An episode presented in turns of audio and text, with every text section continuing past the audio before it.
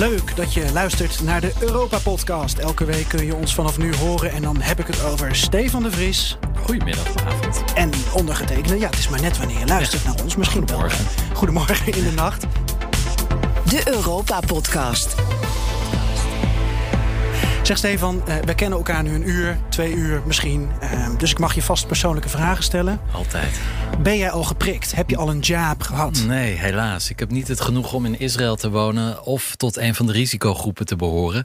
Ik dacht dat ik toch wel een beetje dikker was. Maar ja, zelfs Dat dat, vind ik wel heel persoonlijk om nu al te zeggen. zelfs dat is geen. eh, ja, ik val dus niet in de echte obese groep. Eh, in dit geval jammer. Nee, ik heb dus nog steeds geen prik. Eh, net als ja, de grote meerderheid van de wereldbevolking. Ja, nee, ik heb hem ook nog niet eh, gehad. Merk je om me heen dat het, dat het een beetje leeft? Je zit nu vooral in Nederland natuurlijk. Ja, natuurlijk heeft iedereen het erover, althans in mijn omgeving. En ik, ik kan ook niet wachten om geprikt te worden. Ehm, de vaccinatiebereidheid in Nederland is gelukkig heel erg hoog. Eh, zeker als je het vergelijkt met landen als Frankrijk en Italië. Dus ik denk niet dat het hier een groot probleem is. Ik ken ook wel wat mensen die al twee prikken hebben gehad. Ja. Eh, dus dat is eh, ja, apart, wat oudere mensen. Maar die kunnen dus gewoon weer elkaar knuffelen. Heel raar gezicht, een heel fijn gezicht natuurlijk. Maar ja, net als het grote deel van onze luisteraars moet ik ook nog even wachten. Ik heb even de ranglijst erbij gepakt. En met de ranglijst dan weten, weten mensen nu eigenlijk wel eh, wat ik bedoel. Ja, een jaar geleden niet- zouden ze me voor gek verklaren. Eh, de vaccinatieranglijst. Ja. Eh, NRC houdt die dagelijks bij. En dan hebben ze input van onder meer het RIVM. En ook van eh, volgens mij de World ehm, Health Organization. Of van de John Hopkins. In ieder geval, ze hebben een aantal data die ze verzamelen. En ik zie bij Nederland staan dat we nu op zo'n 1,2 miljoen vaccinaties staan. En als je dat dan doorberekent, want dan, dan maken ze ook schattingen erbij, dan kom je op zo'n 1,7 miljoen prikkies uit. Ja. Kan jij ook een beetje zien hoe we het in Europa dan doen? Ja, ik houd de website Our World in Data bij. Eh, die verzamelt uit allerlei bronnen eh, data. En overigens is het een hele interessante website... als je net zoals ik heel veel van statistieken houdt. Want je vindt er werkelijk over van alles en nog wat eh, dingen. van over de hele wereld. Maar goed, nu, vaccinaties houden ze ook goed bij. Volgens die website ook, net als NRC... staan we nu op ongeveer 1,6 à 1,7 miljoen prikken. Nou, op 17,5 miljoen inwoners. Het is niet echt om over naar huis te schrijven. Op dit moment eh, krijgen in Nederland 1 op de 400 mensen per dag een prik. En dat is nagenoeg hetzelfde als het Europees gemiddelde. Dus wat dat betreft doen we het niet slecht. Maar Frankrijk, Italië, Duitsland, Griekenland zitten daar nu boven. Terwijl België daar weer behoorlijk onder zit met 1 op de 550 mensen die nu eh, vandaag geprikt zijn. Ehm, dan heb je ook nog, ja, het is statistiek, dus je kan er altijd wat van maken wat, eh, wat in je straatje ligt. Je kan ook nog anders ernaar kijken. Bijvoorbeeld naar het aantal mensen dat minstens één dosis heeft ontvangen. Dus zeg maar iedereen die één keer geprikt is. En dat is in Nederland nu 7% En dat is precies het EU-gemiddelde. Dus daar doen we, ja, lopen we eigenlijk in de pas. Eh, het is veel meer dan België. Die zitten nog maar op 5,7% Maar veel minder dan Denemarken. Die doen het met 9,7% Heel erg goed. En dan kun je ook nog kijken naar het totaal aantal prikken. Ja. Nou, daar zitten we op 9,5 prik per 100 inwoners. België iets minder, 8,3. Maar Denemarken met 14 zit daar veel boven. En het is ook de EU, dus ze hebben hetzelfde aantal vaccins als wij hebben. Maar ja, als je dan kijkt naar Israël, die zit inmiddels al op 104 prikken per 100 inwoners. Dus die zijn al ver met ook de tweede dosis. En dat is elf keer zoveel als Nederland. Dus aan de ene kant, ja, eh, we, gaan, we zijn een beetje aan het inlopen. We horen nu bij de Europese middenmoot. Maar aan de andere kant is het niet echt eh, fantastisch. Eh, ja, dus het kan vriezen, het kan dooien. We Je houdt gewoon- echt eh, heel erg van statistiek. Ja, ik ben er gek op. Althans, in 85% van de gevallen. Zat jij vroeger ook met die schaatstoernooien dan altijd mee te schrijven? Rondje 33-2? Nou, ik vind schaatsen heel leuk om te doen, maar echt oerzaai om naar dus te kijken. Eurocommissarissen Haan en de Vries houden de Brusselse zaken scherp in de gaten. Misschien goed omdat dit de eerste podcast is, eh, dat we ons even kort eh, voorstellen. Dat eh, de luisteraars ook snappen wie we zijn. Die gekke mensen die die statistieken van die vaccinaties bijhouden. Wil jij beginnen? Ja, wie ben ik? Ik ben Stefan de Vries. Ik heb vroeger al voor Europa, voor, voor BNR, het is ongeveer hetzelfde, BNR in Europa, eh, Europa-correspondent, Frankrijk-correspondent, eh, 22 jaar in Parijs gewoond en sinds een half jaar woon ik weer in Nederland. En gelukkig ben ik nu weer op het oude nest BNR als Europa-verslaggever. Ben ik heel blij mee. Maar ja, uh, Europa is tot nu toe erg beperkt natuurlijk, want we kunnen nauwelijks reizen. Dus ik smacht ook weer, uh, ja, als, als, het als ieder ander waarschijnlijk, op, tot het moment dat we weer uh, op pad kunnen. En dan natuurlijk vooral naar Brussel. Ja. Daar gebeurt het meeste. maar nu dus even vanuit Amsterdam. Ja, af en toe hoor je achtergrondgeluiden, want volgens coronaprotocol hebben we hier de deuren open, dat het een beetje kan ventileren. Dus het is alsof we toch in een soort event zitten. Hè? Dat is dan weer het enige voordeel van dat de deuren open zijn. De rolverdeling is uh, als volgt: dat jij dus wat meer vanuit het Brusselse uh, uh, ja, naar buiten kijkt. Ook al zit je nu vooral in Amsterdam. Ja. en ik kijk dan meer van buiten naar binnen. Althans, dat is het idee. Maar we zullen elkaar vooral, denk ik, heel veel gaan aanvullen. En het is wel interessant wat je zegt, want mijn achtergrond zit dus juist meer aan de oostkant van de Elbe. Om, Ja. om het daar maar even mee af te sluiten. Uh, ik heb uh, gewoond in Oekraïne, Rusland, Polen. Daar ook onderdelen van de studie gedaan. Correspondentschap in Oekraïne gedaan. En eigenlijk in heel veel landen ook aan de rafelranden van Europa ben ik geweest. Ik heb de halve wereld mogen zien. En nu zit ik dus ook uh, half afkikkend uh, in Nederland. Omdat je gewoon bijna niet uh, op reis kan. Zweeds Lapland was mijn laatste reis. Dat was eind september. Daar was ik volgens mij dan nog wel een mazzelaar mee. Ja, inderdaad. Maar nu ben wacht ik. de mazen doorgeglipt. Nou, het kon nog. Toen kon het nog. Ja, want ik weet nog dat een vriend van mij die wilde een weekend naar Duitsland. En die kwam uit de provincie Noord-Holland. En Ja. dat werd door de Duitsers toen op rood gezet. Ah. En ik kon wel vliegen via Kopenhagen, Stockholm naar uh, Lapland. Ja. En daar heb ik uh, uh, tussen de rendieren geen corona geconstateerd. Nee, wel ja. het Noorderlicht gezien. Ja, nee, ja het, het klinkt een beetje als een rijke luisprobleem dat we niet kunnen reizen. Maar ik had eigenlijk nooit beseft hoezeer reizen onderdeel is van, van wie ik ben. En uh, ja, ik ging altijd zeker eens in de twee weken naar een ander Europees land. Soms ook verder. Maar ja, helaas, dat kan nu uh, allemaal niet meer. Nee. Maar als we een beetje opschieten met die vaccinaties. Dan hoef jij niet langer meer via meneer Zoom en mevrouw Teams Brussel in de gaten te houden. Precies, want ja, daar kom je toch niet echt veel verder mee. Want het gaat natuurlijk altijd om de persoonlijke contacten, de lichaamstaal. Hè, als, je, als je praat met politici. Nou ja, dat kan nu even niet. Alle vergaderingen, bijna alle vergaderingen zijn online. De persconferenties ook. De collega's zitten natuurlijk ook niet echt meer in Brussel. Of ze zitten in hun eigen appartement, komen daar ook niet uit. Dus ja, het is allemaal heel erg virtueel nu. Het is niet ideaal. Maar toch, uh, nou ja, ik doe mijn best om alles uh, zo goed mogelijk te volgen. We houden de heren en dames uh, goed in de smiezen. Ja. En zo nu en dan hebben we ook gasten die ons daarbij helpen. En dat betekent dat de opbouw van deze Europa-podcast er een soort van als volgt uitziet. Maar alles kan natuurlijk veranderen. Stefan en ik praten hier dus bij over Brusselse zaken. Waarbij we allebei één thema eruit lichten dat ons uh, opvalt. Uh, dat is de basis. En daarnaast praten we met één of twee gasten door over een ander belangrijk onderwerp. En dat zijn onze, nou, co-commissarissen kunnen we ze wel noemen. Om een beetje bij de Europe Europese taal te blijven. En we eindigen altijd met een klein vooruitblikje op de week die komen gaat. En met onze zoektocht naar de nieuwe Dragostea Dinte, Stefan. Dat is een ideetje van jou. Uit de oude doos, trashy Ja. nummer 1 hits uit gans Europa afgaan. Nou ja, we hadden twee jaar lang, uh, in, uh, tot 2012, een programma al hier op BNR, BNR Europa. En dat sloot ik altijd af met een nummer 1 hit die week uit Europa. En dat was altijd het onderdeel waar we de meeste reacties op kregen. Ook al hadden we heel hard gewerkt en goed journalistiek werk verricht. Het ging altijd om dat muziekje. Dus ik dacht, het is misschien wel weer leuk om daar ook vanaf nu uh, weer mee af te sluiten. Een nummer 1 hit ergens uit Europa deze week. Ja, we gaan het doen. Ja, ik heb zeker. er één gevonden. En het is vaak, het is vaak Eurotrash, hè, zoals ze dat noemen. Wat, wat je ook heel vaak ziet op het Eurovisie Songfestival. En ja, ik moet bekennen, ik, uh, ik hou daar wel van. Eigenlijk. Je houdt wel van een beetje foute ja, muziek. Guilty Guilty pleasures. Muziek. Absoluut. Ja. Administratie gedaan. Tijd voor het voorstellen van onze gast. Voor wie het vanaf nu veilig is om mee te praten. Hier in de studio Robert van der Noorda. Welkom.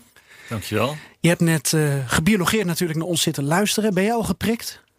Nee, ik zit ook niet in die risicogroepen. Dus ik, uh, ik ben waarschijnlijk de laatste ongeveer in Nederland. Maar dat geeft niet. ik uh, laat mensen gauw uh, voorgaan allemaal. Tot die tijd, tot je geprikt wordt. Waar hou je je mee bezig? Nee, ik, ik heb, heb, een heleboel journalistiek werk. En ik doe nog deels werk voor wat ingenieursbureaus. Dus we het vandaag maar niet over hebben. Maar ik, ja, goed, ik denk dat ik met name bekend ben uh, vanwege mijn onderzoeken naar propaganda, disinfo... Uh, trollenlegers, hybride oorlogsvoering en beïnvloeding. En je bent van kieskijker, als ik het zo even mag noemen. Je bent ook Onder van, andere. Je bent ook van uh, Troll Rensics. Ook nog. Je bent van een heleboel. Je schrijft heel veel stukken voor de Volkskrant, voor de Groene Amsterdammer, heb ik je gelezen.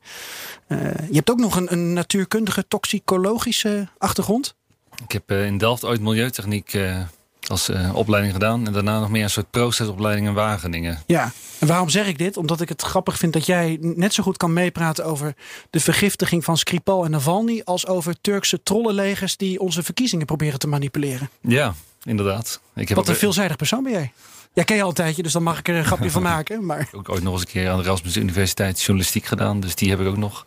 En ik ben nog half van plan om uh, nog eens een keer wat anders te gaan studeren. Dus uh, wie weet beginnen we wel weer een keer met een andere studie. Ja, en je hebt nog heel veel andere dingen in je leven gedaan. Misschien komen we erover te spreken. Eh, we hebben je vooral uitgenodigd omdat de Nederlandse verkiezingen eraan komen. En wij zijn ook onderdeel van, uh, van de Europese Unie. Dus dan moeten we het ook daarover hebben natuurlijk. En, en jij focust je op um, desinformatie, uh, op online manipulatie. En wat interessant is, is dat met Kieskijker, dat, dat is een, uh, een project waarbij uh, jij en um, een andere uh, grote organisatie, Defend Democracy, die hebben de handen ineengeslagen. Die werken Klopt. samen. Met het idee dat jullie real-time al dat getrol monitoren. Klopt. En dus niet achteraf een pakketje aanbieden aan de minister zo van nou, dit is er allemaal misgegaan, doe dat de volgende keer beter. Nee, als er nu wat gebeurt, pak je het nu aan en geef je het nu door. Klopt. Ja, ik uh, heb uh, vier jaar geleden bij de Volkskrant ook uh, verhalen geschreven over beïnvloeding. Toen vonden we op een gegeven moment iemand die, een stuk dat ik samen met Mark Miseres ooit deed, iemand die neppeilingen maakte. En daar gaf hij al rechtse partijen enorm veel zetels. Dat werd lustig geretweet door allerlei politici. Mark heeft die jongen op een gegeven moment geïnterviewd. Nou, dat, is een, dat is een typisch voorbeeld wat iemand kan doen en wat ook nog echt wel serieus impact kan, kan maken. Uh, dat soort getrol op social media. Ik bedoel, als we hier met z'n drieën allemaal even 30 accountjes aanmaken op een uh, Twitter of een TikTok of wat dan ook. Dan kan je een enorme bak uh, info gaan rondpompen. Ik heb nog wat beters te doen. Ja? Nou, als je nou een keer niks te doen hebt, dan moet je bellen. nee, nee, nee, ik heb gezworen dat ik mezelf maar niet uh, waag aan de, aan de propaganda. Maar goed, ik deed het vroeger met de hand. En uh, op een gegeven moment uh, dacht ik van, ja, weet je, dat kan toch ook gewoon makkelijker. Dus ik ben eigenlijk van mid 2019 samen met een bevriende ICT'er... ben ik alles wat ik met de hand deed, bijvoorbeeld... Bij dat, ik ben al eens een keer maanden bezig geweest met zo'n trollenleger van die zanger Dotan. En toen dacht ik van, dat kan ook vast met software. En die oh, die ontmaskering heb jij ook gedaan? Ja, samen met Mark Miseres was dat. Dat, dat was eh, dood dan? Oké. Ja, en dat was een van mijn... Dat, niet fulltime, maar daar ben ik echt acht maanden mee bezig geweest... om dat echt tot de laatste ding uit te zoeken. Want dat moest juridisch helemaal waterdicht zijn. Dat hij het ook echt wel zelf was. Ja. Nou, we praten zo door over wat jij met kieskijker rond de Nederlandse verkiezingen kan betekenen. Stefan, staat het in Brussel een beetje hoog op de agenda? Ja, zeker. Eh, dat was natuurlijk wel het geval met de vorige Europese verkiezingen in 2019, bijna twee jaar geleden. Toen wilde uh, Brussel ook Um, volgens mij was er ook een soort, soort uh, organisatie die belast was met het in de gaten houden van fake berichten, propaganda of fake nieuws, noem het maar op. Um, dus ja, natuurlijk is het een onderwerp wat, wat ook Brussel beroert. Maar wat ik heel interessant vind eigenlijk is dat... Een, uh, ja, het is natuurlijk heel goed dat we proberen Europees aan te pakken... maar ieder land in Europa heeft hele verschillende regels... als het gaat om verkiezingspropaganda. En ik heb uh, natuurlijk... Je bedoelt dat een heleboel dingen ook mogen? Nou, vooral in Nederland. Ik heb 22 jaar in Frankrijk gewoond, ben net terug. En ik ben echt verbaasd wat hier allemaal kan. En uh, ik zie allemaal dingen die in heel veel landen verboden zijn. En uh, ik weet niet of dat goed is of slecht, maar ik ben in ieder geval verbaasd. Bijvoorbeeld het feit dat uh, tijdens uh, een van de debatten vorige week op RTL Nieuws in de commercial break zit het vol met spotjes van politieke partijen. het wemelt van de politieke partijen online, tenminste op social media, iets wat in Frankrijk ook verboden is. En um, ja, dus, er zijn allerlei andere. Het wordt gewoon reclametechnieken worden ingezet in Nederland om, om stemmen te trekken voor, politieke partijen. En dat is in heel veel landen verboden. Dat is in aan hele strenge regels uh, gebonden. Um, een voorbeeldje nog uit Frankrijk is dat um, als uh, de campagnetijd begint... dat wordt dan bepaald door een soort van commissariaat voor de media. Mm -hmm. Vanaf dat moment worden alle tv-zenders bekeken. Dat zijn een stuk of dertig uh, nationale zenders in Frankrijk. Door studenten met een stopwatch in de hand. Mhm. En die schrijven precies op hoeveel minuten uh, een meneer of een mevrouw van één partij aan het woord is en et cetera. En iedere week stuurt het commissariaat van de media dat overzicht naar de media. En als er eentje te veel heeft, aandacht heeft gekregen, dan moeten vervolgens de redacties meer aandacht besteden aan anderen. Dus het, een soort van commissariaat van de media gaat op de stoel zitten van de journalistiek. Dat vind ik heel eh, op zich verontrustend. Want je moet de vrijheid natuurlijk laten aan redacties, vind ik. Maar tegelijkertijd voorkom je ook dat kleine kandidaten uh, ten onder gaan in het strijdgewoel. Omdat alleen maar bekende mensen aan het woord gelaten worden. Dus in, in Nederland kan heel veel. En uh, nou, dat verbaasde mij. Ik heb daar geen mening over, maar het, het uh, viel me wel op. Is dit ook onderdeel van, van. Dat is niet echt desinformatie. Of ja, misschien raakt het eerder manipulatie, Robert? Of zit ik in de verkeerde hoek met wat Stefan beschrijft? Ja, goed. Je kan natuurlijk. Het klopt hè, dat heel veel landen hebben hele andere regels en zo. Het is wel dat er in Europa aan een soort gedragscode gewerkt wordt. Maar goed, die is nog lang niet af. Dan zou je dus Europees zouden al die landen die Europese wetgeving kunnen volgen. En dan zou je dus eh, gemotiveerd af kunnen wijken van wat er in jouw land specifiek geldt. Want je mag nog steeds je, die Europese wetgeving, als die vigerend zou zijn, uh, gebruiken. En we kijken niet alleen specifiek naar propaganda. Het is niet een, de bedoeling om op grote schaal dingen te gaan debunken. Maar wat we bijvoorbeeld ook doen is op het moment dat er een hele zware georganiseerde campagne is... dat we eigenlijk laten zien dat het een campagne is. Ik bedoel, op het moment dat jij op, op social media, maakt niet zoveel uit waar je nou zit, of je nou op Facebook of op Twitter of op TikTok zit, en dan gaan bepaalde dingen viral, ja. daar zitten mechanismes achter. En, en daar, daar, daar kan je, dat kan je manipuleren. Dus als, als wij met z'n drieën zeggen van... Uh, weet je, we hebben een heleboel vrienden en partijen die ons leuk vinden... en we willen dat onderwerp per se doen... en dan gaan we van tevoren gaan we dat allemaal rondmailen... en dan gaan we op die dag met z'n allen met bepaalde hashtags... gaan we alleen maar op, op een bepaald social media gaan we info pompen. Ja. Nou, kans groot dat je met een paar duizend tweets haalt... dan trek je wel dat die trending wordt. Maar dan moet je heel even mij helpen. Uh, stel, ik vind Wopke Hoekstra helemaal niks... en ik zou Wopke Hoekstra uh, online kapot willen maken... Ik wil dat het CDA niet uh, meer dan acht zetels uh, haalt. Nou, Wop Koek zelf uh, ook aardig een duit in het zakje aan doen om niet heel hoog te eindigen. Maar als ik dat online zou willen doen, wat is een campagne? Is dat 10 tweets, 100 tweets, 10 mensen die dat doen, 100 mensen die dat doen? Nee, dat wisselt heel, heel erg. Hangt vanaf hoe druk het eigenlijk is op Twitter. Het is ook een soort snelweg. Dus als jij s ochtends, als iedereen erop staat, dan kan je iets trending krijgen met, met een paar honderd tweets. Uh, en op het moment dat het overdag is en er is, er is een hoop groot nieuws, ja, dan zal je in de duizenden moeten gaan voordat iets trending is. Maar dat, valt, dat zijn wel de dingen die opvallen bij, bij mensen. Dus als jij dat lijstje ziet met de trending topics. ik vind het bijna pijnlijk om te zeggen, maar bijvoorbeeld op een gegeven moment was er zo'n hashtag kutkaag. Ja. En die hebben we eens uitgezocht hoe dat nou in elkaar zat. Nou, dat ging inderdaad enorm viral. en, en ja, dat is wel grappig om daar het hele mechanisme van te, te laten zien. Want dan is het gewoon een, een, een lastencampagne vol met trollen en bots en nou, dat hoeft niet zozeer trollen te zijn. Het kunnen gewoon ook echte mensen zijn. Maar het kan wel eh, artificieel zijn dat het echt van tevoren men bedacht heeft. Uh, we, we, verzinnen hashtags. We gaan hele groepen van tevoren oproepen om mee te gaan uh, lopen doen. Maar ja, dat zie je als, uh, als twitteraar niet.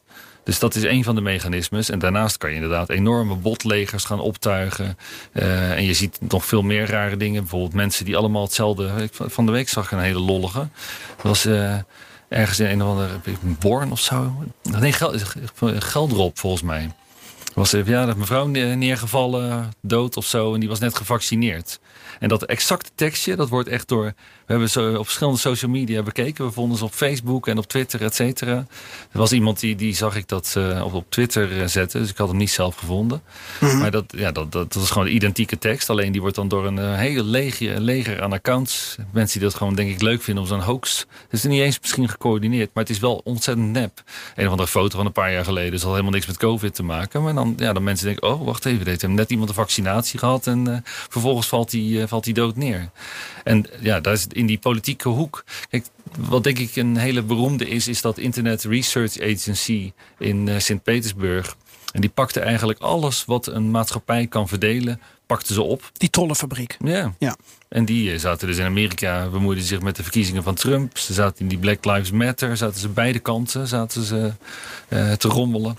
Uh, maar we hebben op een gegeven moment ook, een, uh, ik heb een keer voor De Groenen samen met Koen van der Ven een stuk geschreven. Vroeger in België bij KNAK. Zoek nou eens uit of je in België dit soort dingen kan vinden. Mm -hmm. En toen vonden we dus, zijn we met Python gaan programmeren. Een enorme dataset van die, van die trollen.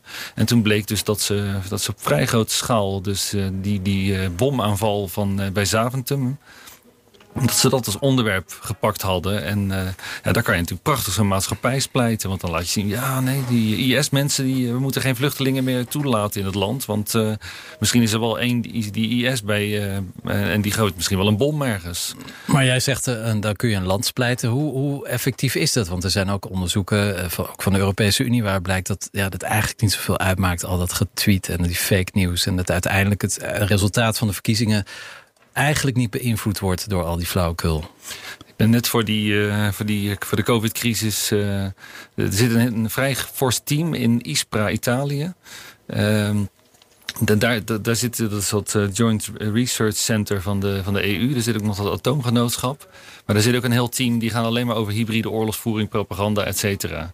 En die hebben zelf ook eens wat laten zien. En één voorbeeld vond ik echt, ja, die moet ik nog eens een keer vragen of ik dat op papier mag, mag zetten. Die lieten zien hoe dat, die hele Soros haat, hoe dat mhm. eigenlijk gewoon, dat is gewoon geëngineerd. Dat is allemaal nep. En zij konden exact laten zien, ze hadden een animatie waarbij je zag dat dat in een bepaald land gestart was. Hongarije speelt daar een enorme rol bij. Ja. En hoe dat dan van land naar land naar land naar land springt. En dat zie je in Nederland, zie je daar ook. Uh, uh, Baudet was ook een van degenen die daar op een gegeven moment over Soros dit, Soros dat en zo uh, begon. En, en dat zie je in Hongarije, is daar echt is daar door de jaren heen echt een fors stuk van die hele democratie uh, daarmee gewoon uh, ja, gesloopt. En je zag zelfs op een gegeven moment dat die, uh, die universiteit die, die mocht wijken. En bedoel, vanuit de EU zijn er zelfs twijfels nu over twee landen. Of die rechtspraak wel helemaal betrouwbaar is. En dat zijn Polen en, en Hongarije. Dus ik denk dat Hongarije in Europa een, ja, echt een staalhard voorbeeld is. En dat zeggen die mensen van de EU ook. Dus ik denk dat we dat niet moeten bagatelliseren. Nee. En hoeveel, stel er zijn 150 zetels in de Tweede Kamer. Hoeveel daarvan komen uiteindelijk terecht bij iemand dankzij sociale media. Kun je dat zeggen? Even inschatten? Ja, dat is een beetje. De, als je daar echt dat soort. Uh, je bent een fan van de statistiek. dus Daarom. als ik daar een of andere berekening op los moet laten, dan wordt het echt een soort ESMC-kwadraat met dan uh, zes kantjes uitgeschreven. Zeg maar. wel dus, de nieuwe uh, Einstein. Ja, dat zou een leuke zijn, inderdaad. Ja. We praten er zo over door, uh, Robert. Uh, vanaf nu mag je ook met ons meepraten, want we gaan het hebben over de Europese Week. Die gaan we even doornemen. Nou, jij komt straks waarschijnlijk nog met andere voorbeelden vanuit uh, Europa. En ook wel interessant, Europese landen, en met name kleinere Europese landen, de, daar zou jouw model van kieskijker best wel interessant voor kunnen zijn. Omdat de Facebooks en de Twitters van deze wereld, die ook aan, aan monitoring doen, die hebben vooral hun, hun pijlen gericht op Amerika en op grotere Europese landen. Die denken van ja, Nederland of Denemarken of uh, Bulgarije. Ze zoeken het maar een beetje uit. En, en wat jij doet, dat zou dus best wel exporteerbaar kunnen zijn, toch?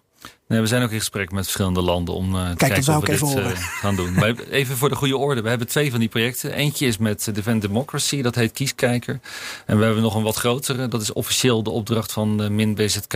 of eigenlijk uh, verkapt minister Olongren. en dat is denk ik een, ja, dat is een unicum op dit moment in Europa... dat een bedrijf belast wordt, nou ja, belast wordt, de opdracht krijgt om zoiets te monitoren. En dat, dat vind ik wel een schitterend signaal. Omdat Olongren eerst zei van het is echt een taak voor de journalistiek. Dat is het nog steeds. Het blijft een journalistiek project. Maar, maar goed, nu zit ik toch als journalist, werk ik nou ineens voor overheden weer. Dus uh, het geeft hem wat een verschuiving. Wat is ons afgelopen week opgevallen? Stefan, de ja. Europese week. Ja. Hoe gaat het in Brussel? Nou, het is uh, de week van de plenaire zitting. Dus dan wordt er eh, traditiegetrouw uh, veel gestemd en gediscussieerd, gedebatteerd. Um, een van de dingen zullen we het zo over hebben. Het ging uh, veel over persvrijheid ook deze week. Mm -hmm. Maar een paar dingen die me opvielen deze week was het, de, het opheffen van de immuniteit van de Catalaanse Europarlementariërs.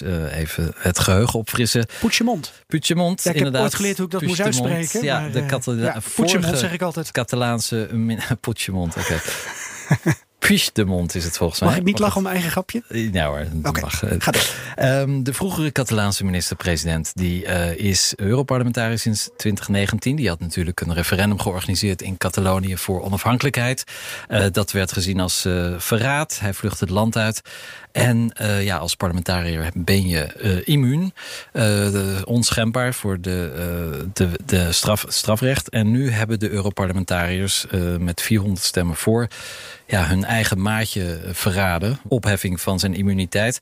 248 stemden tegen. en dat betekent dat uh, Puigdemont waarschijnlijk uitgeleverd gaat worden aan Spanje. En daar terecht zal moeten staan vanwege hoogverraad. ja, ik vind het heel opmerkelijk dat Europarlementariërs ja, dit beslissen. Um, ze zouden eigenlijk een van hun moeten beschermen. Want het is, ja, het is dubieus, hè, dat referendum. Was dat nou legaal of niet? Uh, Puigdemont en de Catalanen zeggen van wel. Spanje, Madrid zeggen van niet. Um, maar goed... Uh, ja, een lastige kwestie. Uh, het verbaasde mij enigszins. Maar de soep wordt toch niet zo heet gegeten als, als jij hem nu opdient? Hij zit er niet gelijk in de problemen? Nee, nog niet. Uh, kijk, um, is in Brussel, in België. Dus eigenlijk moet de Belgische justitie dan beslissen over zijn uitlevering. Um, maar ja, dat, dat zal misschien kunnen. Ze zullen ongetwijfeld uh, in, in uh, overweging nemen dat hij nu niet meer onschendbaar is. Misschien dat de Belgen zeggen, nou, hij kan in België blijven. Maar het is natuurlijk een raar fenomeen dat we een Europarlementariër hebben... die in politiek exil zit, omdat een ander land hem ja, bepaalde democratische grondrechten uh, niet uh, gunt. Uh, ook al is dat dan de grondwet van, van, van, van Spanje. Um, maar Spanje was in ieder geval blij met het besluit van het Europees Parlement. Um, en ja, het kan alleen maar de onafhankelijkheidsbeweging natuurlijk weer steunen. Want hij wordt dan een soort van martelaar als hij inderdaad wordt uitgeleverd aan Madrid.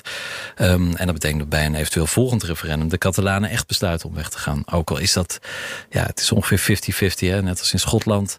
De helft van de bevolking is voor onafhankelijkheid, de andere helft is tegen. Maar ik vond het een uh, opmerkelijke zaak. Ja, ik kan me voorstellen, Robert uh, van den Noorden, dat uh, dit soort uh, nationalistische kwesties, afscheidingsbewegingen, om het even zo te noemen, dat dat ook wel voer is voor online manipulatie. Daar zag je echt enorm veel trollen, ook op social media. Ook Catalonië versus Madrid? Ja, dat, ja? ja, ja. Ik, ik heb nooit uh, hard kunnen maken dat het ook Russen uh, waren. Want toen had ik ook nog niet zoveel software overigens. Dat zijn, ja, het vervelende is dat dat zijn hele lange projecten voordat je dat echt goed uitgezocht hebt. Ja. Maar daar was on online ontzettend veel vreemde info over te vinden. En uh, rare accounts die net aangemaakt waren, et cetera. Brexit waren natuurlijk ook, gingen de vlaggen waarschijnlijk ook uit op dat moment dat dat bekend was dat Engeland, UK, Europa zou verlaten. Ja. Uh, er was nog iets anders dat me opviel deze week in Europa. Ja. Want we gaan Europa veranderen, Git-Jan, ook Robert, jij en ik en al onze luisteraars. En eigenlijk iedereen die dat wil. Want deze week ondertekende het parlement, de commissie en de raad, dus drie presidenten bij elkaar, de verklaring voor de conferentie over de toekomst van Europa. Nou, dat was oorspronkelijk een proefballonnetje van Emmanuel Macron in zijn beroemde Sorbonne speech toen hij net president was, toen hij Europa even ging veranderen. Nooit wat van gekomen, maar goed, deze conferentie voor de burgers ja. komt er wel. Europese burgers die uh, kunnen zich uh, vanaf, uh, ja, vanaf 9 mei waarschijnlijk via debatten en platforms uitlaten. Kijk even in mijn agenda of ik kan. Ja, dat is de dag van Europa, hè. moeten we niet vergeten. Ik word onze, dan net onze eigen feestdag. Je nee, ik net... krijg dan de vaccinatie nummer 1, dus dat kan nou ja, niet. Nee. Mocht dat niet zo zijn, iedereen die vrij is vanaf 9 mei of thuis zit te zoomen, zoom even mee. Want ja, Europa moet democratischer worden. En dat kan door dit soort in, inspraak. Maar ja, ik vind het zelf niet zo geloofwaardig. Want van de week werd dus dat initiatief met veel bombarie gepresenteerd door de instituten. Dus weer van boven naar beneden. Terwijl ik vind dat dat en natuurlijk de burgers zelf hadden moeten zijn die met dat initiatief uh, moesten komen. Maar goed, het is een initiatief van, van Emmanuel Macron. Die houdt nou eenmaal van uh, sterke instituties. En die is niet zo heel erg fan van burgers. Dus dit is een beetje opium voor het volk. Hè. Laten zien, we doen iets om Europa democratischer te maken. Maar ja, de eerste resultaten worden verwacht in het voorjaar van 2022. Dus over iets meer dan een jaar. En ja, dat is ook niet geheel toevallig het moment dat Macron een hele zware strijd moet gaan leveren voor zijn herverkiezing in eigen land. Maar ja, als deze conferentie lukt of slaagt of er komen allemaal leuke dingen uit, dan kan hij toch zeggen, kijk, ik heb Europa gered stem op mij. Ja, maar... wacht even, wacht even. Maar dan, dan, dan als Robert en ik alsnog kunnen 9 mei, dan doen we het dus niet, niet voor Europa, maar we doen het vooral voor Macron. Nou, dat zeggen kwade tongen. Tegen Le Pen. Dat is dan, dan zijn idee. Ja, ja, nou, dat beweren kwade tongen. En die kwade tongen is dan voornamelijk die van mij. um, maar ja, inderdaad, uh, zo kan je het zien. Uh, Macron die heeft zich natuurlijk uh, heel lang opgeworpen als de leider van Europa. En nu Merkel aan het einde van het jaar verdwijnt... zou je kunnen zeggen dat Macron de nieuwe leider wordt. Althans, dat hoopt hij natuurlijk zelf. Maar ja, hij heeft weinig draagvlak meer nog in eigen land. En ook in Europa is de teleurstelling natuurlijk groot over alle beloftes die niet zijn waargemaakt. Niet alleen zijn fouten overigens, maar ja, dat, zo is het nu eenmaal in Europa. Ehm, en hoe het allemaal zal functioneren blijft heel erg vaag. Ik vraag me af in hoeverre je een uh, burgerplatform kunt organiseren als dat wordt opgelegd min of meer door door organisaties van bovenaf... die juist hervormd moeten worden. Zoals de commissie, zoals de raad, zoals het parlement. Dus ik heb er niet heel veel fiducie in. Maar misschien uh, vergis ik me en is het toch een mooie eerste stap... op weg naar nog meer democratie in de Europese Unie. Misschien moeten we dat juist gaan melden. Van, geef die burgers meer een stem in plaats van wij, het wij van WC 1 verhaal. Ja, dat zou je kunnen zeggen. En, uh, maar ja, zijn we dan niet misschien te cynisch? Misschien moeten we dit ook wel omarmen. Dat we een platform krijgen, wij als burgers, 450 miljoen Europeanen. Ja, wie weet. Een retorische vraag. Ik, ik, vind het nog niet zo gek, eerlijk gezegd. Uh, nee? Ik ben wel benieuwd om te zien wat eruit komt. Ja, ja, ik, ga ja, wel toch even, wel? ja, ik ga dit wel met interesse volgen. Er was nog een ander onderwerp. Heel belangrijk. Ja. Persvrijheid. Ja, afgelopen woensdag toch? Een debat in ja, het EP. een verhit debat. De laatste week heb ik in ieder geval uh, Slovenië extra sterk in de gaten gehouden. Met Janša, uh, de premier die ook wel als mini-Orban wordt genoemd. En ook wel als maarschalk Twito. Omdat hij heel graag op Twitter tekeer gaat. Uh, ook wel bekend geraakt onder die term, omdat hij uh, als een van de weinige leiders uh, in Europa Donald Trump feliciteerde met zijn overwinning. Die Klopt. uiteindelijk Ja. niet won. Hè? Maar dat was maar een kleine Nou ja, voetnoot dat, natuurlijk. dat zeggen bepaalde mensen, dat hij niet gewonnen heeft. Dat is waar. en Slovenië kwam ook weer langs in dat debat afgelopen woensdag. mijn kijk erop is dat het nog niet zo erg op weg is met het ontmantelen van de persvrijheid en, en de rechtsstaat ook, waar jij het ook al net over had, Robert, als Hongarije en, en Polen. Um, en het zal in principe denk ik ook niet zover komen gezien het politieke stelsel van Slovenië. Maar de politici, de, de Europarlementariërs die denken je kunt maar beter kort op de bal zitten. Je kan er maar beter gewoon goed in de gaten houden. Even een zijpaadje, want wat zag ik? Er komt een tv-gesprek, misschien zelfs een debat dat weet ik nog niet helemaal. Tussen Sophie in het veld, Europarlementariër, voor wat je tegenwoordig Renew Europe moet noemen. Ik vergeet ook hoe je dat moet. Renew? Renew, Renew, Europe. Ja, de, de liberale fractie. Ook, eh, ook een luchtballonnetje van Emmanuel Macron. Ja, en wat gaat ze doen? Ze gaat met de Sloveense premier dus voor de camera's in debat over de persvrijheid en over de rechtsstaat. Ja. Uh, zij had een, uh, een brief gestuurd uh, naar Janša en ook naar zijn minister van Cultuur. En eh, ze laten weten dat ze daar best wel eh, op in willen gaan. En het heeft dan te maken met dat Sophie in het veld eigenlijk als een van de Europarlementariërs die het hardst op de slom, eh, op de, op de slom, op de trom slaat. eh, dat zij zich zorgen maakt over bijvoorbeeld geldstromen richting het Sloveense persagentschap, eh, de Sloveense ANP. Dat die geldstromen eh, worden dichtgedraaid. Stroommannen op bepaalde mediaposities worden geïnstalleerd. Dat er meer Hongaarse media is, pro-Orban media, die Sloveense media dan weer opkopen of daarin geïnteresseerd in zijn. En daarmee zou het medialandschap van Slovenië weer uh, onder druk komen te staan. En je ziet ook dat Sloveense journalisten worden geïntimideerd. Maar ja, dat soort dingen, dat is dan niet genoeg voor de Europese Commissie en voor het EP, zo'n dialoog. Uh, want er was dus een debat tussen ja. Europarlementariërs en uh, Vera Jourova, ja. Eurocommissaris. En toen, Stefan, ging het woensdag over nieuwe tools om in te grijpen. Ja, maar ja, de, met de huidige EU-wetgeving kan de Europese Commissie eigenlijk weinig doen aan de persvrijheid in uh, verschillende landen. Uh, dat was ook eigenlijk de teneur van het debat uh, deze week in, in Brussel.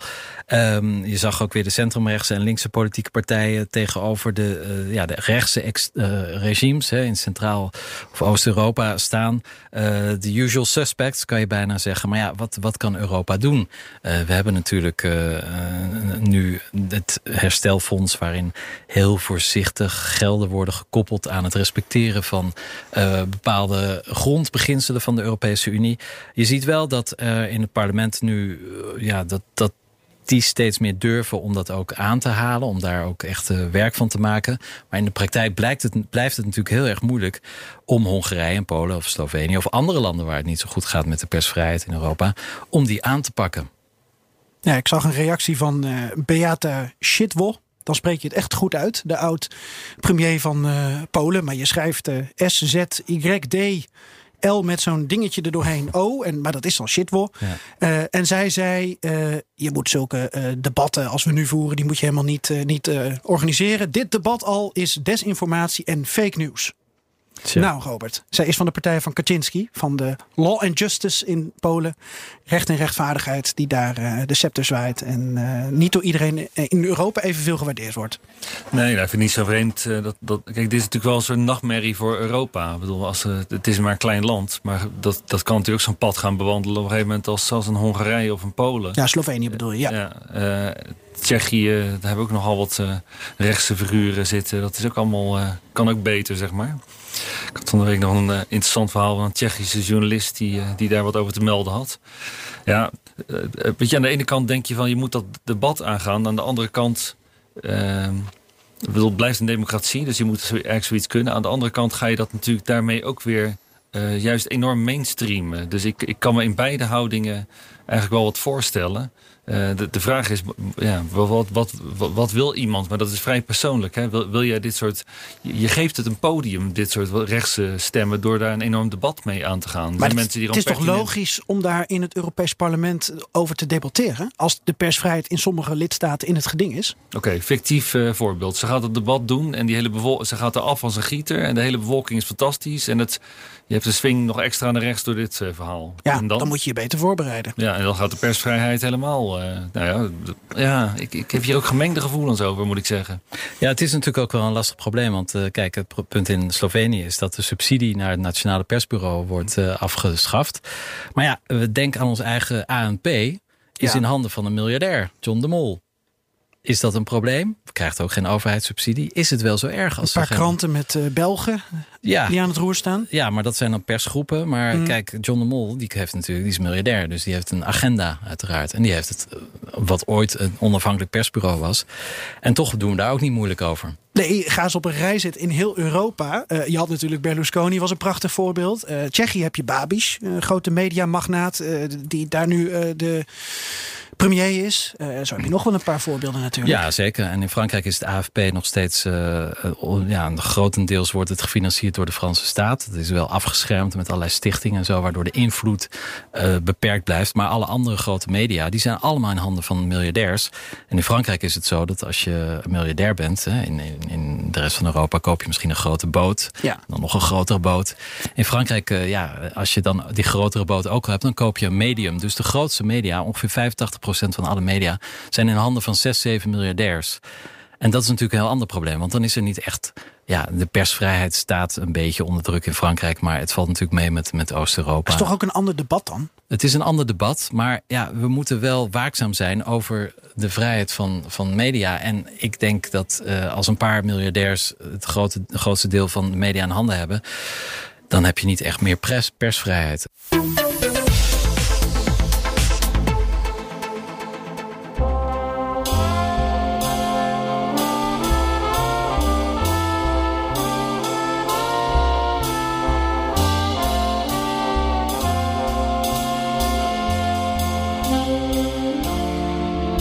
De Tweede Kamerverkiezingen in Nederland, ze komen eraan. Online campagne voeren is door de coronacrisis en de technologische ontwikkelingen een machtiger wapen dan ooit. Maar ja, wapens worden niet altijd voor de meest nobele doeleinden ingezet. En deskundigen verwachten dat binnenlandse en buitenlandse desinformatiecampagnes...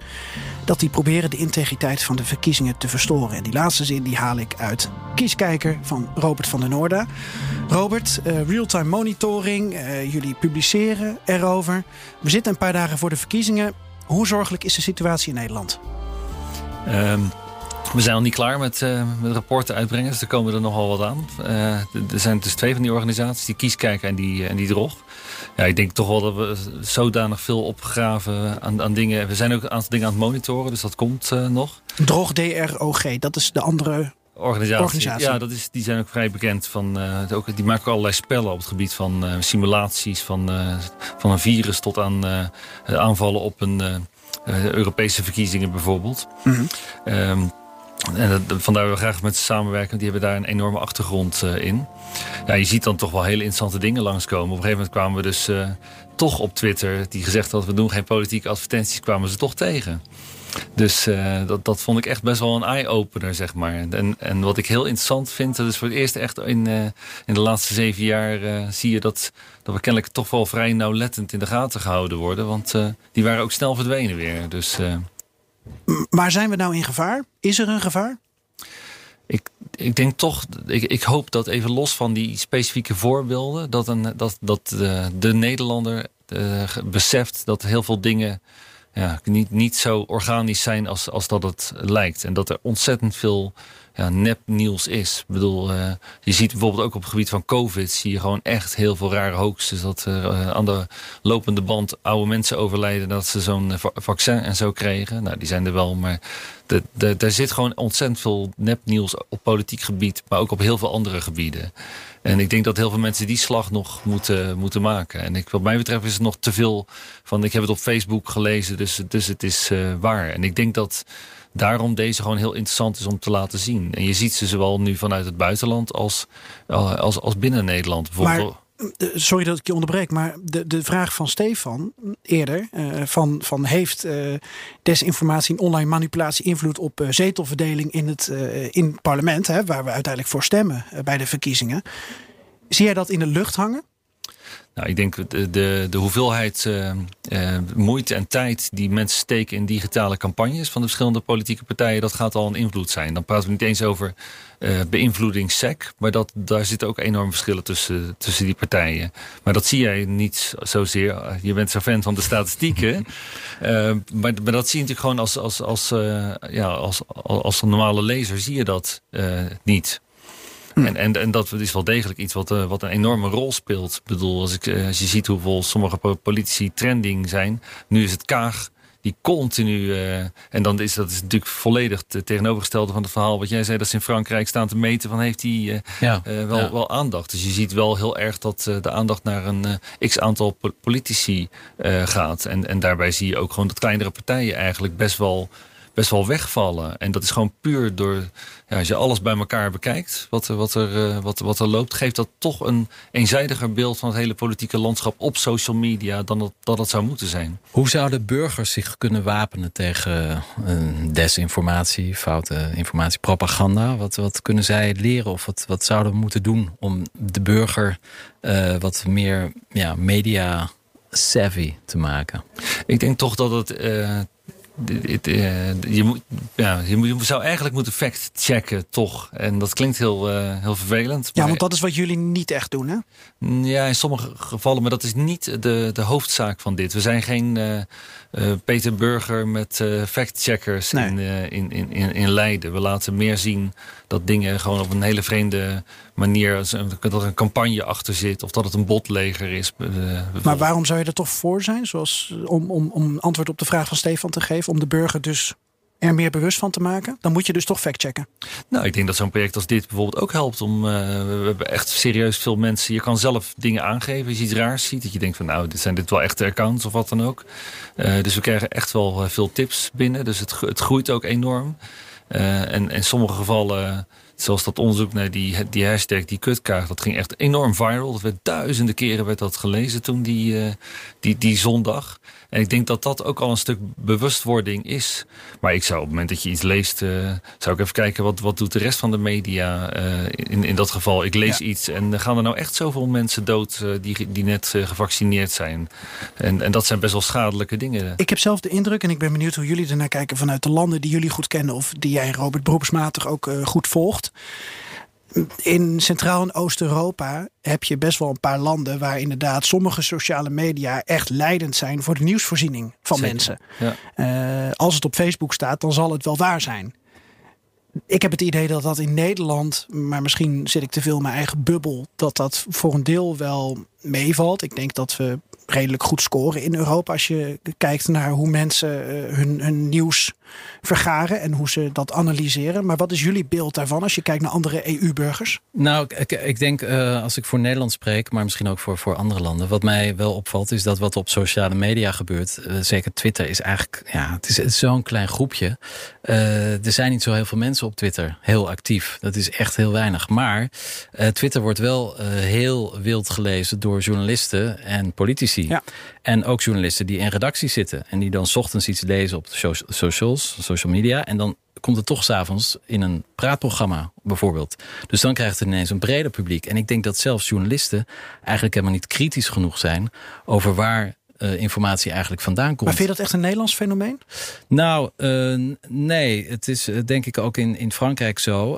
ook daar is Frankrijk vooral Twitter vooral een affaire van, um, van journalisten en politici. Um, en um, ja, ik denk dat er heel veel luiheid is bij journalisten. En we hebben nu natuurlijk ook te maken met een, met een inmiddels al een generatie die al heel lang online is natuurlijk. Um, en misschien niet meer de reflex heeft om even afstand te nemen. Want wat er gebeurt op online, dat is eigenlijk de waarheid. Maar het punt is dat, uh, ja, wat er op Twitter te lezen valt, is misschien allemaal uh, totaal irrelevant. S ochtends vroeg.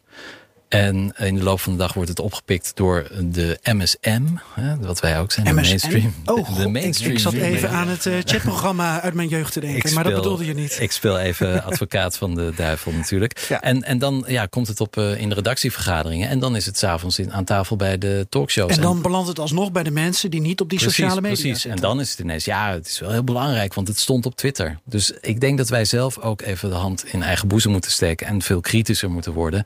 En ja, uh, ook kinderen al heel jong opleiden om heel kritisch zelf na te denken. En uh, niet uh, uit te gaan van één bron, ook niet van twee, maar in ieder geval van drie. En, en gewoon logisch en kritisch nadenken.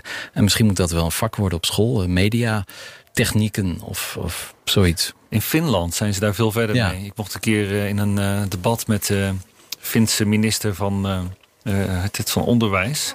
En die, uh, ze hebben heel veel vrouwen daar in die politiek. Dit was ook echt een ongelooflijk indrukwekkend iemand.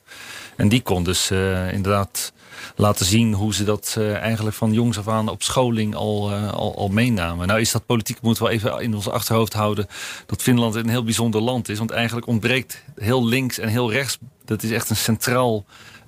echt centraal politiek, niet zo links en niet zo, zo rechts. Is een heel Klinkt ander, als Nederland landschap. Ja, ik denk, nou, ik, ik, uh, daar heb ik een wat andere mening over. Ja. Als je hier alle rechtse uh, en, en zeer conservatieve partijen optelt... Dan, mm. dan kom je eigenlijk best wel ver rechts uit, zeg maar. Ik bedoel, met een PVV en een FVD ja, ja. en... Uh, nu heb je natuurlijk nog een hoop splinterpartijtjes ja. erbij nadat uh, FVD imp imploderen.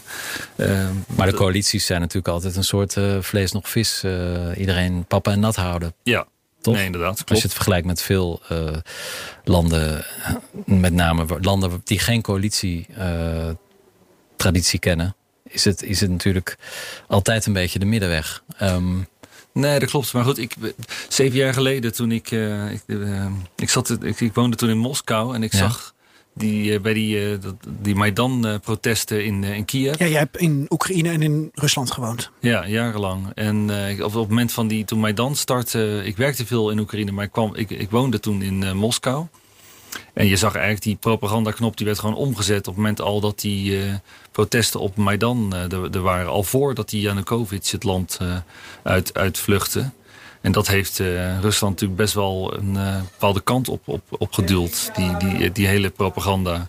Ja. En toen ik toen tegen mensen, ik, ik vond het echt schrikbarend om, uh, om te zien. Die zag echt nieuwsuitzendingen met acteurs. Dat was gewoon in elkaar gezet. Dat was gewoon helemaal niet waar.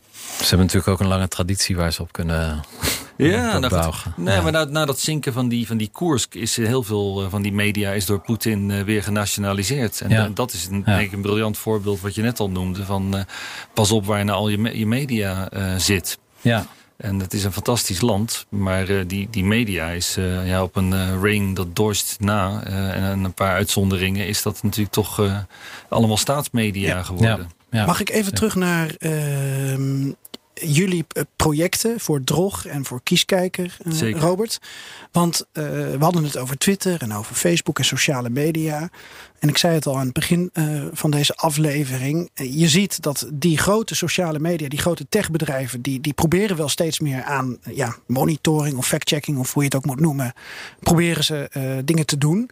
Maar dan lijkt het alsof hun focus gericht is op Amerika en een paar grote Europese landen. En eigenlijk vanaf Nederland wordt het alweer wat minder. En ik was ten eerste benieuwd, waar komt die blinde vlek dan vandaan? En ten tweede, dat is iets waar jullie deels denk ik ook op in proberen te springen. Nee, precies. Kijk, het aardige van die software is dat kijkt niet naar politieke geaardheid. Dus of het nou een campagne is van iets links of iets rechts, dat maakt ons voor de rest helemaal niet uit. En dat ziet die, dat ziet die software helemaal niet. Dus we zagen op een gegeven moment gewoon bijvoorbeeld dat Wilders aangevallen werd. Dat was dan een trollenleger uit Turkije.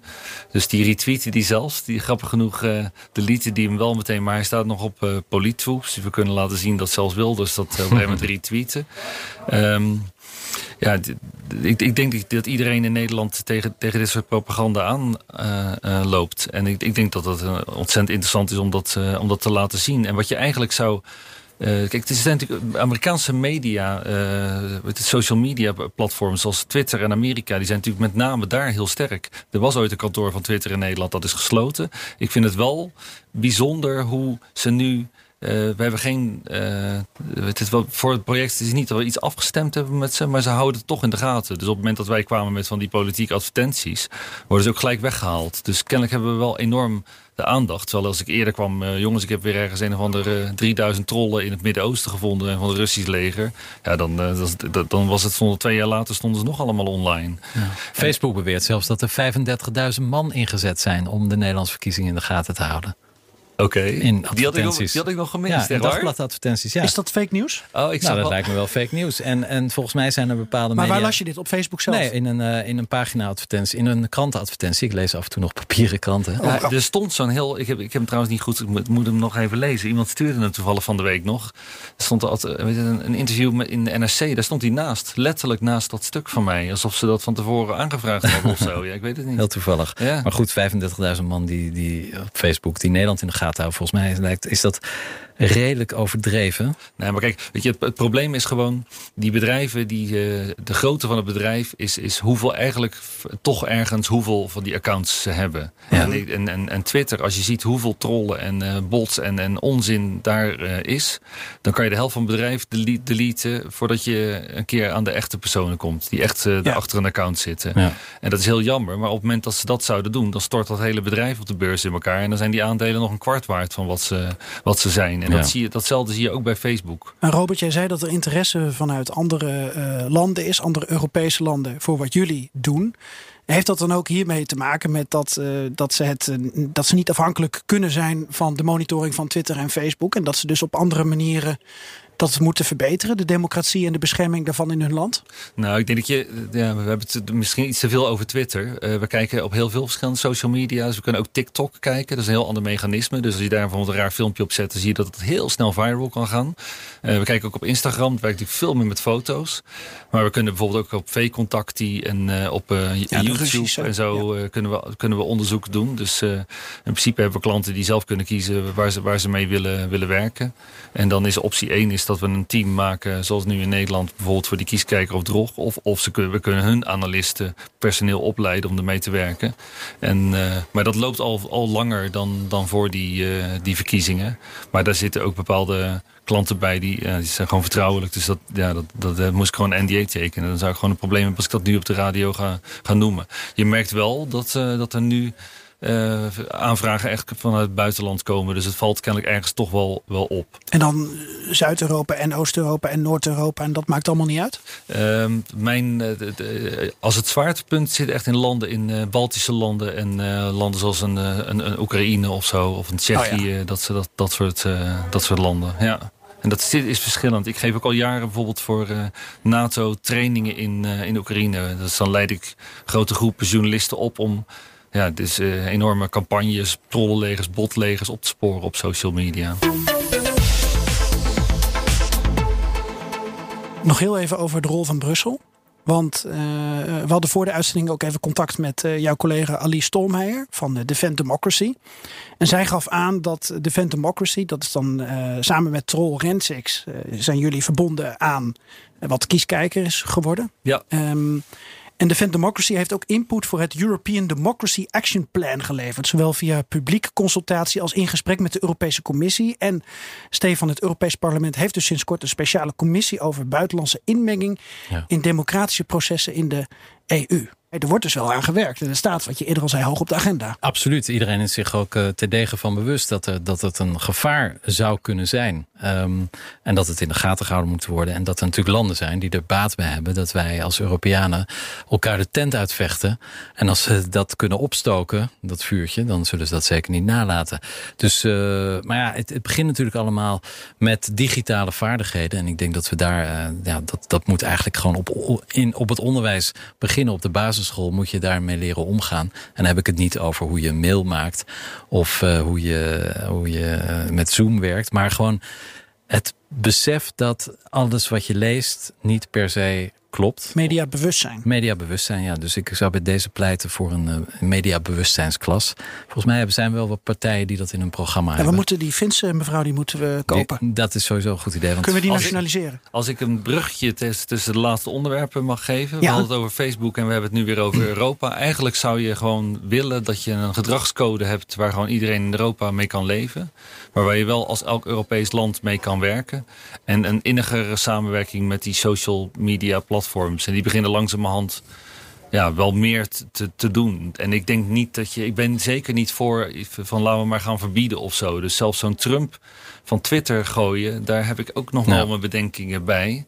Eh, dat ja, vind ik gewoon niet zo heel, heel handig. Want dan, dan is het net zo van, van ja, wat hij zegt is niet goed. Dus dan mag die wel gecensureerd worden. En dan wordt het een soort deep state complot op een gegeven moment Ja. geframed. En daar Ja. snap ik dan ook nog wel van dat mensen dat zeggen. Dat moet je gewoon niet doen. Zet er dan zo'n balk onder van het is, het is fake nieuws of zo. Ik bedoel, dan, eh, dan heb je het, maak je het een stuk helderder dan die man van het platform te Ja. gooien. Ja, ben ik met je eens. Ja. Nou. Ik denk als we dat, die situatie bereiken, en ik denk dat het daar wel langzaam heen gaat. Ik denk wel dat we nog een, ja, het kan nog een tijd duren. En eh, ja, ik, ik vond het zelf gewoon interessant om software te gaan ontwikkelen om dit soort dingen te doen. Omdat ik dat vier jaar geleden had ik er veel meer moeite mee dan wat ik nu eh, eh, kan met die, met die tools. Je bent freelance journalist, maar je visitekaartje wordt langer en langer. Met wat je allemaal onderneemt.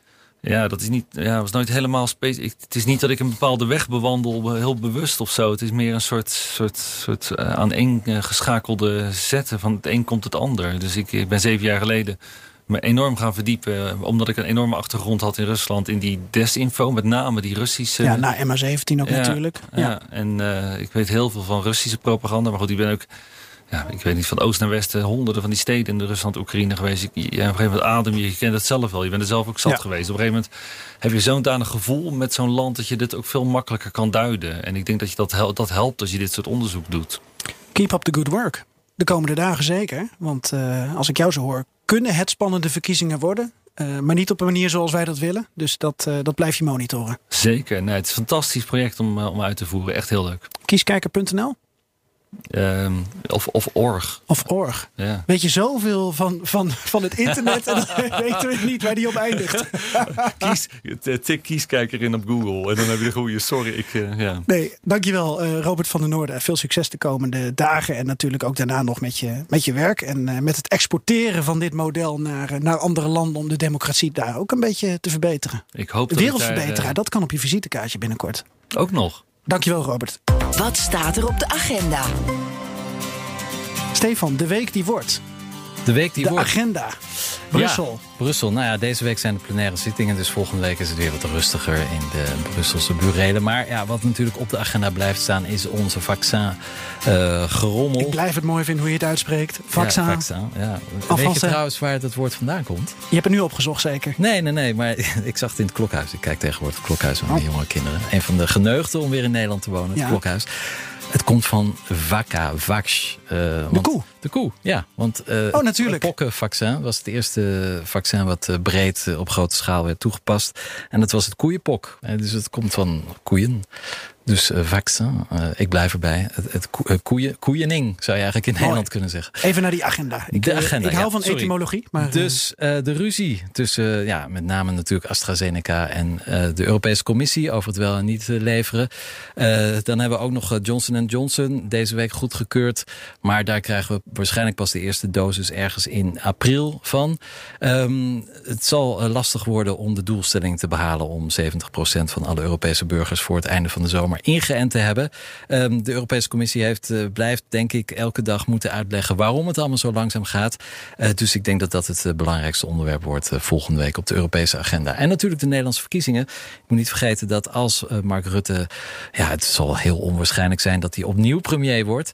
Maar dat die dan op een gegeven moment de langzittende leider wordt van de Europese... Na Orbán, na toch? Orbán, maar Ja. goed, die is ook op de... die, die Nou, binnenlands is hij nog niet op zijn retour, Nee, hoor. dat niet. Nee, maar hij is natuurlijk wel het Europees parlement uitgeknikkerd eh, afgelopen week. ja, hij zit nog zelfstandig. Hè? Ja, ja. Ja, jij, jij wil hem in een hoekje framen. Hè? Ik Nou. heb het al door. Maar eh, hij zit er nog hoor. Ja, jij wordt betaald zeker door... door Orbán. Soros, ja. Soros, we, hebben, oké. we hebben het net van Ehm, Robert allemaal gehoord. Dus ja, iedereen zal toch uh, kijken naar de Nederlandse verkiezingen. Wat, wat komt daaruit? Uh, wordt het een uh, meer pro-Europese koers? Ook al zijn de verschuivingen natuurlijk waarschijnlijk heel ja, cosmetisch. Maar ja, wat, waar iedereen wel in Europa naar kijkt, is de opkomst van de partij Volt. Um, de echte Europese partij, althans het is een Europese partij met een Nederlandse afdeling, heel andere manier van politiek bedrijven. Um, het zou de eerste keer zijn dat die partij in een nationaal parlement aan de bak komt. Ze hebben al een, Europese, een, een zetel in het Europese parlement, gewonnen in Duitsland, maar een uh, echte zetel in het nationaal parlement, dat zou interessant zijn. Hoeveel zetels denk je dat Volt gaat halen? Nou ja, bij de Europese verkiezingen hadden ze volgens mij 2 procent. Mm -hmm. uh, en dat is in Nederland goed voor bijna drie zetels. Je hoeft maar 0,666 procent te halen in Nederland mm -hmm. van de stemmen om een zetel te halen. Heel weinig trouwens. Uh, dus misschien wel drie. En ja, dat is interessant dat echt zo'n uitgesproken pro-Europa beweging... Um, voet aan de grond krijgt in een land dat toch bekend staat als heel veel klagen over Europa. Dus ik denk dat dat uh, in de Europese media best zal worden uitge uitgemeten. En dan ook natuurlijk dat Mark Rutte um, een heel slecht rapport heeft en toch mag blijven zitten. Robert, hoeveel zetels vervolt? Wat denk jij? Twee? Ja. Ik denk één. Ja, en waar baseer je dat op? Dat baseer ik op uh, dat uh, Sigrid Kaag het uh, steeds beter doet. En, en dat volgens dat mij die stemmers, ja. die komen denk ik van D66, uh, GroenLinks, PvdA. Ja. En ik denk dat, uh, dat dat toch weer dan bij Volt wordt weggetrokken. En dat ze denken van, hé, hey, als Kaag stijgt in de peilingen... en misschien wel bijvoorbeeld het CDA inhaalt... dan heb je toch in Nederland altijd dat de zwevende kiezers... dat worden een beetje strategische stemmers. Ik hoor ja. het al in mijn, ja. in mijn eigen bubbel... Hè, dat, ze, dat ze aan het switchen zijn van... Oh, eerst was het GroenLinks, toen werd het weer Kaag. Hm. Eerst was het Hoekstra, nou wordt het weer Rutte. Ja, dan ga je toch op het laatst kijken naar de sterke leiders... Ja. En dan denk ik dat Volt uh, mag blij zijn met één zetel. Ja, maar er is ook een soort van uh, idee dat je bij de winnaar wil horen als je in het kieshokje staat. En, en Volt heeft een goede campagne gevoerd. Je ziet ze nu overal de laatste weken. Dat doen ze heel slim. Ook op social media. Heel ook sterk. op social media, ja, inderdaad. Heel goed. Ja, en, en ook erg op de inhoud zitten. Dus ze hebben een soort. Ja, ze zitten in een momentum. Dus dat, als ze dat niet verliezen voor volgende week. Uh, ja, we gaan het zien. Uh... Maart, we zullen het zien. Maar in ieder geval, in Europa zal dat met heel veel interesse bekeken worden. De nummer 1 in...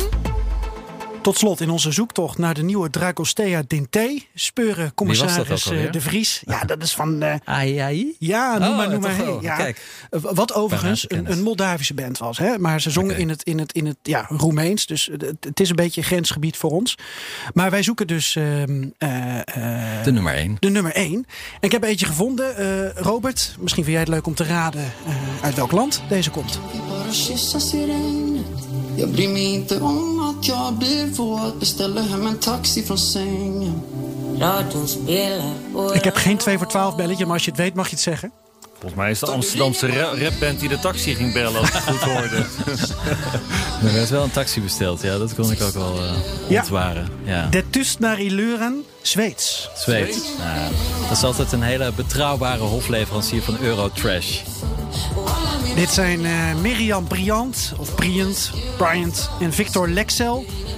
De Tust naar Iluren. En uh, twee hele populaire artiesten. Die nu heel hard door mijn uh, oor klinken. Maar ik kan ze niet zachter zetten om een of andere reden. Maar dit staat op nummer 1 in Zweden. het wordt als Electronic Love Song wordt het omschreven. Nou, en het gaat dus over dat de, de telefoon op stil staat. Oh ja, dat is, op, de, de dat is de echte teken van liefde, toch? Tegenwoordig. Als je ja. je telefoon uitzet als je met iemand bent. Het klopte wel dat er naar de taxi werd gebeld. Maar in welke context dat dan was, dat heb ik nog niet kunnen plaatsen. Nou. Oké. Okay. Dit was uh, aflevering 1 van de Europa Podcast. Hopelijk vond je het leuk om te luisteren. Dank nogmaals Robert van Noorden. Ook dank Stefan de Vries. Avec plezier. En ik ben heel benieuwd naar jullie feedback. Inhoudelijk, maar ook qua sfeer, qua toon, qua toegankelijkheid. Wil je mij en Stefan vaker horen? Laat het weten. Um, we hebben een mailadres. Dat, we, we jatten even het mailadres van, van BNR De Wereld. Dewereld.bnr.nl. Want onder dat kapstokje vallen we vanaf nu. En daar kan je dus laten weten of je het leuk vond... of dat je ons nooit meer wil beluisteren.